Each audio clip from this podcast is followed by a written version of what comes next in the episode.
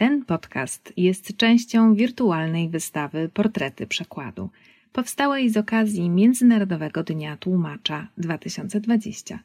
Wystawa dostępna jest online pod adresem dzieńtłumacza.pl.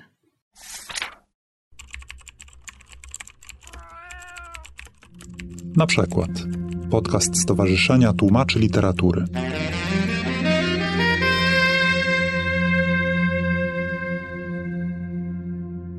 Latach 1980-2010 niemal niezauważenie doszło do gwałtownej przemiany w naszym pojmowaniu macierzyństwa. Owej ewolucji, a raczej regresowi, nie towarzyszyła żadna dyskusja, żadne poruszenie. A przecież zmiana ta ma ogromne znaczenie, dotyczy bowiem ni mniej ni więcej ponownego umiejscowienia macierzyństwa w samym centrum losu kobiet. Tak zaczyna się książka Elizabeth Badinter Konflikt kobieta i matka, która w 2013 roku ukazała się w moim tłumaczeniu. Oryginalny tytuł brzmi Le conflit, la femme et la mère. Elizabeth Badinter jest francuską filozofką, feministką i historyczką, zajmującą się historią kobiet, historią macierzyństwa, a także tożsamością kobiecą i męską. Polscy czytelnicy mieli szansę poznać pisarstwo Badinter już wcześniej, przed wydaniem konfliktu, zostały opublikowane takie książki jak m.in. Historia miłości macierzyńskiej w tłumaczeniu Krzysztofa Choińskiego, czy XY Tożsamość mężczyzny w przekładzie Grzegorza Przewłockiego. Konflikt ma jednak nieco inny charakter niż wcześniej publikowane książki Badinter.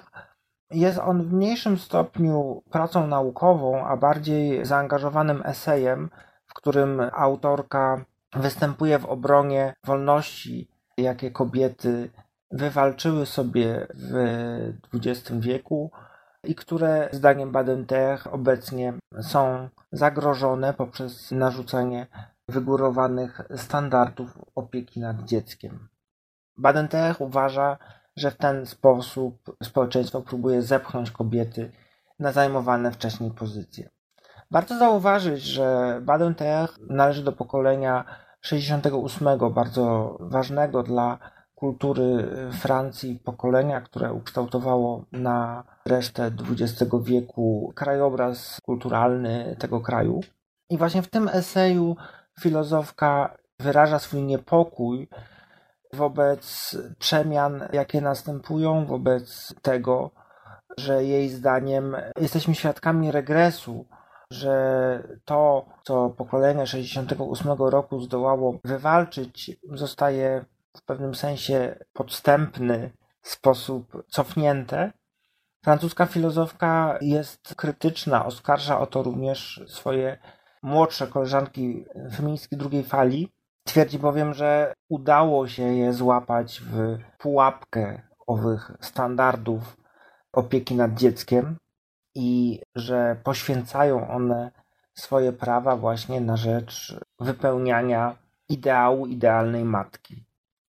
To, co mnie zainteresowało w tej książce i na co zwracałem szczególną uwagę, to jest język, którym posługuje się Badinter. Autorka, obnażając mechanizmy odbierania kobietom wolności, nie stroni od sarkazmu, ironii czy złośliwości. Tekst jest rytmiczny, cechuje go melodia, można by powiedzieć, wiecowej przemowy, ponieważ jest to ostrzeżenie i krzyk w obronie tożsamości kobiet jako ludzi. Ten język jest bardzo potyczysty i melodyjny. I była to jedna z tych cech tego tekstu, które bardzo starałem się oddać w czasie tłumaczenia. Napotkałem tę kwestię już w tytule przedmowy, która po francusku brzmi Révolution silencieuse i takim najbardziej dosłownym tłumaczeniem, czy najprostszym tłumaczeniem byłaby cicha rewolucja.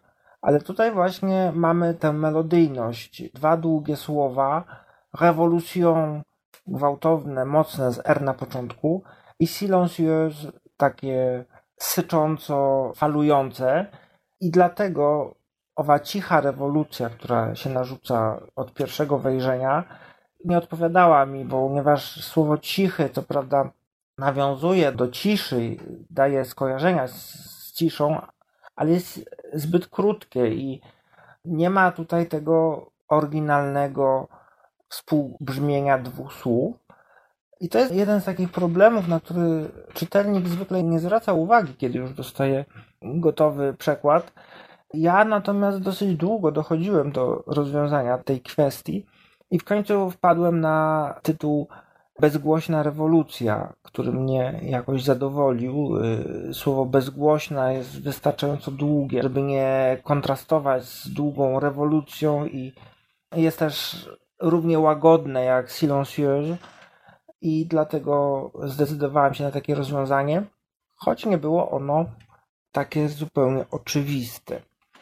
Może ja dam przykład owej ironii, o której wspominałem, jaką posługuje się Badenter w swojej książce. Jest to fragment rozdziału, w którym Badenter rozprawia się z ideologią La Leche League. Członkini La Leche League propagują karmienie piersią i są bardzo przeciwne używaniu butelki i mleka w proszku. No i właśnie Badenter dość gwałtownie się wyzłośliwia, opisując tę organizację. To jest fragment. A jednak nawet niektóre zwolenniczki La Leche League nie wahają się wysuwać oskarżeń, że macierzyństwo znalazło się w pułapce politycznej poprawności.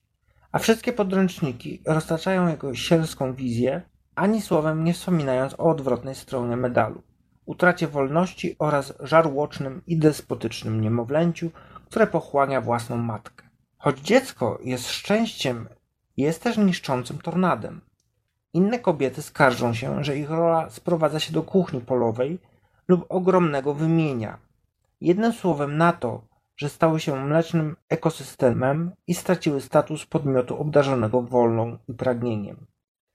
Na tego typu roszczenia nie ma miejsca w literaturze propagującej karmienie piersią. To, co służy jednym, niekoniecznie musi być dobre dla wszystkich.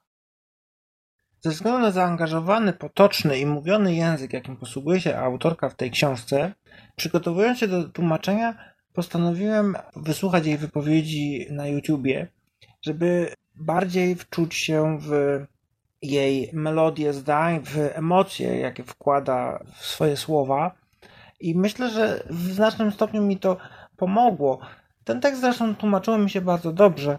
To było tak, że ja w pewnym sensie zacząłem dzielić emocje autorki, stanąłem po jej stronie i ten taki eseistyczny, ale także wzywający do rebelii język bardzo szybko mi wszedł, że tak powiem, w palce i to nie był jakiś duży kłopot oddania tych emocji, ale myślę, że, że, że właśnie pomysł obejrzenia Badenter w czasie mówienia właśnie o tej książce był pomocny, ponieważ pozwolił mi dostrzec, że to, co ja widzę w tym tekście, to są rzeczywiste emocje. Ona mówiąc o tych kwestiach była pełna żaru, pełna jakiejś obawy o przyszłość kobiet i o to, w jaki sposób standardy narzucane im przez media, przez podręczniki, przez takie organizacje jak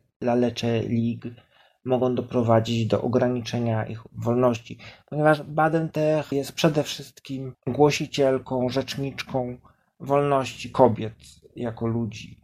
Ona uważa, że zarówno posiadanie dzieci, jak rezygnacja z macierzyństwa to jest decyzja należąca do kobiety i nie powinna ona ulegać jakimkolwiek naciskom ze strony społeczeństwa, ani jeśli chodzi o to, czy powinna mieć dzieci, ani jeśli chodzi o to, jaki model macierzyński powinna wybrać, czy model całkowitego zaangażowania, czy też model polegający na tym, że kobieta jest matką, ale nie rezygnuje z innych swoich pragnień, dążeń i ambicji.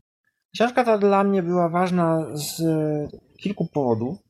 Po pierwsze, uważam, że sam temat jest ważny i rzeczywiście dostrzegam to, że od jakiegoś czasu dziecko staje się swego rodzaju dzieckiem imperatorem, jak nazwała je Badenter. To znaczy, że wiele osób czuje się zobowiązanych poświęcić wszystko dla jego dobra, zapomina o pozostawieniu jakiegoś miejsca również dla siebie, co koniec końcem zapewne nie służy również rodzicielstwu i dziecku. Po drugie, książka ta jest dla mnie ważna jako wyraz pewnej francuskiej myśli czy postawy życiowej, bardzo mi bliskiej postawy, która stawia przede wszystkim na wolność wybór, na świadomy wybór. Myślę też, że pozycja ta jest bardzo ważna w naszym momencie historycznym w Polsce. Sądzę, że to jest istotne, żeby pojawił się taki głos u nas. Było to istotne w 2013, obecnie wydaje mi się jeszcze ważniejsze. I rzeczywiście książka ta zyskała pewien rozgłos, szukając informacji przed tym nagraniem w internecie. Zorientowałem się, że miała bardzo wiele recenzji z wszystkich stron światopoglądowych, od pism lewicowo-feministycznych po pisma konserwatywne. Oczywiście każda z tych stron wyłapywała z tego tekstu trochę inne rzeczy, ale myślę, że ważne jest dzisiaj, żeby taki głos się pojawił. I jak mi się wydaje z dostrzeganych cytowań w tekstach dotyczących pozycji kobiet, czy macierzyństwa, czy tożsamości, jest to książka, która jest ważna i jest cytowana i jest inspiracją dla nowych przemyśleń, co bardzo mnie cieszy, bo to znaczy, że słowa Baden-Tech znalazły oddźwięk u nas. Wreszcie była to książka, której tłumaczenie było ważne dla mnie, zarówno dla mnie jako tłumacza, było to duże doświadczenie, ważne doświadczenie, właśnie próba oddania takiego języka pełnego emocji, pisanego w formie żeńskiej. To ciekawe też, jak bardzo pisanie pierwszej osobie jako o mężczyźnie czy jako o kobiecie jest kwestią przyzwyczajenia, bo rzeczywiście przez pierwsze pięć stron ciągle myliłem te osoby, ale później się okazało, że pisanie w pierwszej osobie rodzaju żeńskiego stało się dla mnie naturalne i pisząc jakiś mail zacząłem pisać w formie żeńskiej, także to pokazuje, że mówienie o sobie jest kwestią przyzwyczajenia. Poza tym było to dla mnie ważne jako dla mężczyzny. Spotkałem się w tej książce z takimi problemami, o których albo nigdy nie myślałem, albo y, nie wiedziałem o nich. O niektóre rzeczy y, pytałem moje koleżanki i było to trochę wejście w nieznany mi świat kobiecy. Także to było ciekawe doświadczenie. Zastanawiam się, czy gdyby tłumaczyła tę książkę kobieta, to czy miałoby ono inny kształt. Natomiast wydaje mi się, że to co najważniejsze udało mi się przekazać, bo jak zauważyła jedna z recenzentek na feministycznym portalu, złośliwy język autorki został dobrze oddany, jest on czytelny. Także mam nadzieję, że to tłumaczenie oddało wszystkie walory, wszystkie cechy tego tekstu w sposób adekwatny. Wysłuchali Państwo na przykład podcastu Stowarzyszenia Tłumaczy Literatury.